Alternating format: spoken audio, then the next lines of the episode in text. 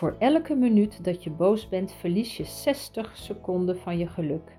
Deze quote van Ralph Waldo Emerson is de trigger voor de podcast van vandaag. Boos zijn. Boos zijn heeft een negatieve reputatie. En ik ben het daar niet altijd mee eens. Ik vind gewoon dat je soms boos mag zijn. Boos zijn laat ook zien hoe jij in elkaar zit met je normen en waarden. Wie ben jij als laadbloeier als er oneerlijkheden bestaan in jouw werkelijkheid?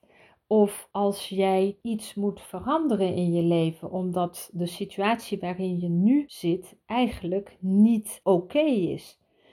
Je voelt dat er oneerlijkheid is. Je voelt dat er iets moet veranderen. En boosheid helpt om daar creatief mee om te kunnen gaan. Het is een pijler eigenlijk die je laat zien dat je normen en waarden zijn geraakt. En boos zijn wil niet zeggen dat je agressief of vernietigend door het leven gaat. Het heeft helemaal niks met destructie te maken. Als je je bewust eh, bent van een situatie die je wilt veranderen, dan kun je die boosheid heel goed gebruiken, de energie van de boosheid.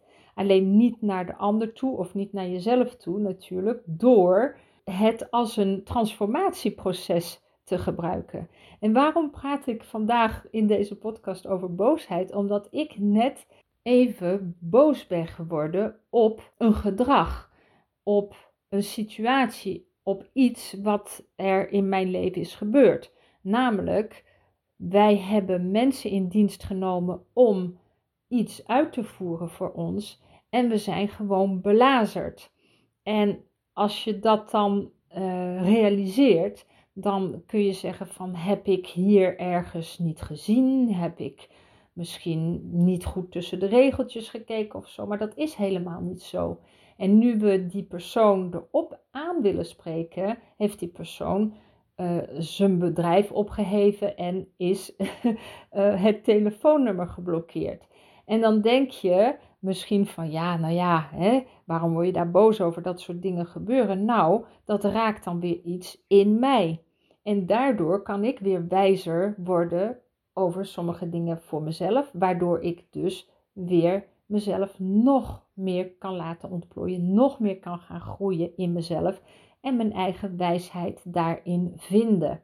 En natuurlijk ga ik niet agressief doen, ga ik niet vernietigend zijn. Alleen het, laat, het is wel een pijler voor mij nu vandaag. Zo van Annette, ben je nou toch goed geweest? Hebben jullie, hè, je man en ik, uh, mijn man en ik, te snel betaald? Uh, hadden we iets kunnen veranderen? Hoe kunnen we hier nu mee omgaan? Kunnen we er misschien creatiever mee omgaan? Uh, of moeten we het gewoon laten, laten zitten? Um, ja, kan er een jurist naar kijken? Enfin, maar het zijn allemaal dingen die mij nu heel veel tijd kosten. En die tijd is mijn kostbaarste valuta. En dan denk ik, ja, misschien dat een paar seconden boosheid toch wel gaan bijdragen aan mijn geluk. En niet zoals die Emerson zegt, nou, elke minuut dat je boos bent, verlies je 60 minuten van je geluk. Op dat moment wel, maar ik geloof ook niet in een wereld waar alles alleen maar puur geluk is. Ik geloof dat we ons geluk ook peilen naar, ehm, ja, naar de ongelukken die we hebben gehad. Het is die hele wereld van de dualiteit. En natuurlijk gaat zo'n boosheid niet meer zo lang door als dat ik er onbewust mee bezig zou gaan. Maar die boosheid even voelen en daar bewust mee omgaan, kan ik dan ook weer gebruiken om wat meer eerlijkheid in mijn eigen wereld te, te laten uh, manifesteren. En dus ook in de wereld om mij heen. En dat is een beetje wat ik uh, aan jou wilde vragen vandaag. Word jij wel eens boos? Of vind je dat dat echt niet kan? Is dat echt iets heel negatiefs? Hoe ga je om met je boosheid? Reageer je het af naar de ander toe of gebruik je het als fuel voor je eigen transformatie? Ga je er bewust mee om of niet? Wat doe jij met de boosheid? Of ben jij nooit boos? Of kom je nooit bij het gevoel van die boosheid en sla je meteen in het verdriet?